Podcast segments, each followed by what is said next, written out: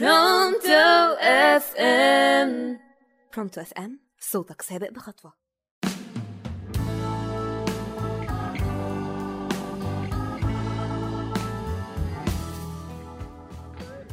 أهلا بيكم في حلقة جديدة من برنامج يمكن تفرق راديو Pronto FM معاكم نادين عرابي النهاردة الحلقة بتاعتنا مختلفة شوية. الأول كنا بنتكلم عن مثل مشهور وبنشرحه بمثال من رواية أو مسرحية وده علشان قلنا إن الأدب والروايات بتحاكي الواقع.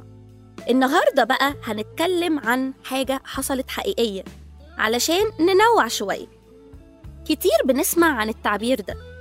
اللي حصل حصل. على قد ما التعبير ده ممكن يضايق ناس كتير جدا عشان معناه إن خلاص الماضي مش هنقدر نرجع له ولا نغير أفعالنا أو تصرفاتنا أو تفكيرنا أو كلامنا ويبقى الوقت اتأخر جدا إن أنا أصلح حاجة قديمة. بس في الحقيقة إحنا ممكن نبص للموضوع بشكل تاني. بمعنى إن مش دايما بتبقى حاجة كويسة إن أنا أفضل حابسة نفسي في الماضي وأفضل أأنب في ضميري وأعاتب في نفسي وألوم في نفسي طول الوقت عشان خاطر حاجات حصلت زمان. لأن زمان ده انتهى أنا مش هقدر أرجع أعيش فيه تاني. خلاص أنا لازم أتعلم إن مش دايما هيبقى عندي السيطرة على كل حاجة في الحياة.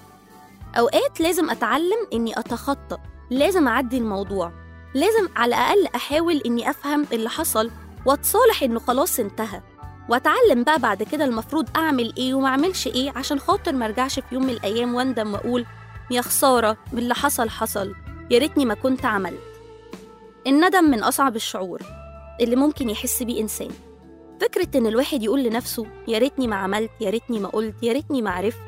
في حد ذاتها فكرة قاسية جدا عشان بتفكر الواحد إن كان ممكن يتصرف بشكل تاني وكان ساعتها أنقذ نفسه من أيام وسنين من الندم اللي حاسس بيه دلوقتي. في نفس الوقت عايزة أقول لكم إن مش شرط نشوف الندم ده شيء وحش. بالعكس الإنسان اللي بيلوم نفسه وبيحاسب نفسه ده أكبر دليل إن لسه ضميره صاحي لسه عارف الصح من الغلط. لسه بيراجع نفسه وبيفكر ممكن يكون عمل إيه ممكن يصلحه ويعمله بشكل أحسن بعد كده. وده أفضل مئة ألف مرة من إن الإنسان يكون منعدم الضمير. ولا فارق معاه بقى اللي بيعمله ده ممكن يأذي اللي حواليه ولا حتى يأذي نفسه. فعلا الموضوع كله يا جماعة لو جينا بصينا له هو بيختلف على حسب نظرتنا للحاجة. أنا عايزة أبص بنظرة إيجابية حتى للحاجات الوحشة زي الندم. وزي ما بقول لكم فكرة الماضي اللي حصل حصل. المفروض دي تبقى حاجة تزعلنا علشان مش هنعرف نغير اللي حصل زمان. بس في نفس الوقت أنا ممكن أبص لها إن أنا إنسان إنسان ضعيف وإن أنا مش معصوم من الغلط. المفروض إن أنا أحاول أحب نفسي أكتر وأعرف إن أنا في الأول وفي الآخر بنسبة كبيرة حياتنا هتتغير بشكل إيجابي لما نواجه نفسنا بأفعالنا.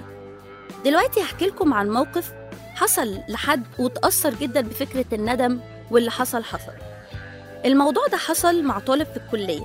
كان عنده امتحان آخر السنة وكان مذاكر كويس جدا وبيحب المادة اللي هيمتحن فيها ومتأكد إن هو هيحل كويس قوي. يعني ما عندوش أي مشاكل. داخل الامتحان مطمن أخد ورقة الامتحان واكتشف إن هو سهل وبسيط وقعد وحل وخلص إجابته بدري. بس كان مستغرب هو ليه الأسئلة كلها إجباري؟ هو متعود إن المادة دي بيبقى فيها اختياري وإجباري. بس قال هتفرق إيه؟ ما أنا ضامن إجابتي فمش قلقان من حاجة. لما بيخلص وقت الامتحان بيسمع زمايله اللي جنبه قاعدين بيراجعوا وبيقولوا على أسئلة أصلا هو ما شافهاش في الامتحان. فبيقول لهم جبتوا الأسئلة دي منين؟ فلاقيهم بيقلبوا صفحة فيها يعني تكملة الأسئلة. بيكتشف إن آه الامتحان متكون من صفحتين بس صفحة منهم فيها إيه؟ أسئلة في ظهر الورقة. وكمان للأسف مكتوب له في أول صفحة اقلب الصفحة يعني ما عندوش مبرر للي هو عمله. انهار وطلع يجري ومش مصدق نفسه ويخبط كف على كف ويقول إزاي؟ ويكلم الدكاترة ويقولوا له انت ما عندكش مبرر الكلام مكتوب قدامك. وسبحان الله على حظه نوعية الأسئلة اللي كانت في الصفحتين المختلفتين دول عشان ناس كتير قوي هتستغرب هو إزاي ما خدش باله. لا الأسئلة مكملة بعضها علشان كان حظه كده. بس خلاص في الآخر اقتنع إن اللي حصل حصل وإنه مش في إيده يعمل أي حاجة مش هيقدر يفضل يلوم في نفسه لأنه مش معصوم عن الخطأ. وإن قدر الله ما شاء فعل وإن هو توتره وانهياره وتأنيبه لنفسه وكل اللي هيعمله ده مش هيغير أي حاجة ولا هيجيب له ورقة الامتحان تاني يعني. فكان عنده حل من الاتنين يا إما يفضل مكتئب وحزين بسبب الامتحان اللي عدى ويضيع بقية الامتحانات اللي جاية بعد كده وما يركزش خالص إما يقول اللي حصل حصل وخلاص ويركز في اللي جاي ويتعلم بقى. بعد كده كل ما يدخل امتحان يمسك الورقة ويبص فيها كويس جدا. والحمد لله يعني شاء القدر إن هو في الآخر نجح في المادة دي. بس برضه هي جت معاه بالحظ. يمكن برضه في نفس الوقت هو اتعلم درس كبير جدا علشان ما يفضلش محبوس في ندمه وفي حزنه. هو اختار إنه يعيش بإيجابية عشان يلحق ينقذ باقي المواد. عشان كده مهم جدا إن الإنسان يقتنع بأهمية التخطي اللي هو أنا لازم أعدي الحاجة دي مش هفضل واقف محلك سر عند اللي حصل في الماضي وأضيع كل اللي جاي. الندم أكيد مش هنقدر نمنع نفسنا إننا نحسه في أوقات بس برضو ممكن ندرب نفسنا إن إحساسنا بالندم أو زعلنا على حاجة ما يطولش زيادة عن اللزوم. عشان الحياة مش هتقف بالعكس دي هتعدي بس هتعدي عليك بصعوبة.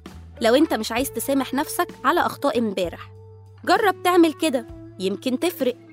هل تفتكر إن أي حاجة بتحصل لك في حياتك سواء في صالحك أو ضدك ده قدر ومكتوب؟ ولا يا ترى أنت ليك دور بتلعبه عشان تشكل قدرك ده؟ استنوني الحلقة الجاية عشان هديكم إجابة ومثال. كان معاكم نادين عرابي.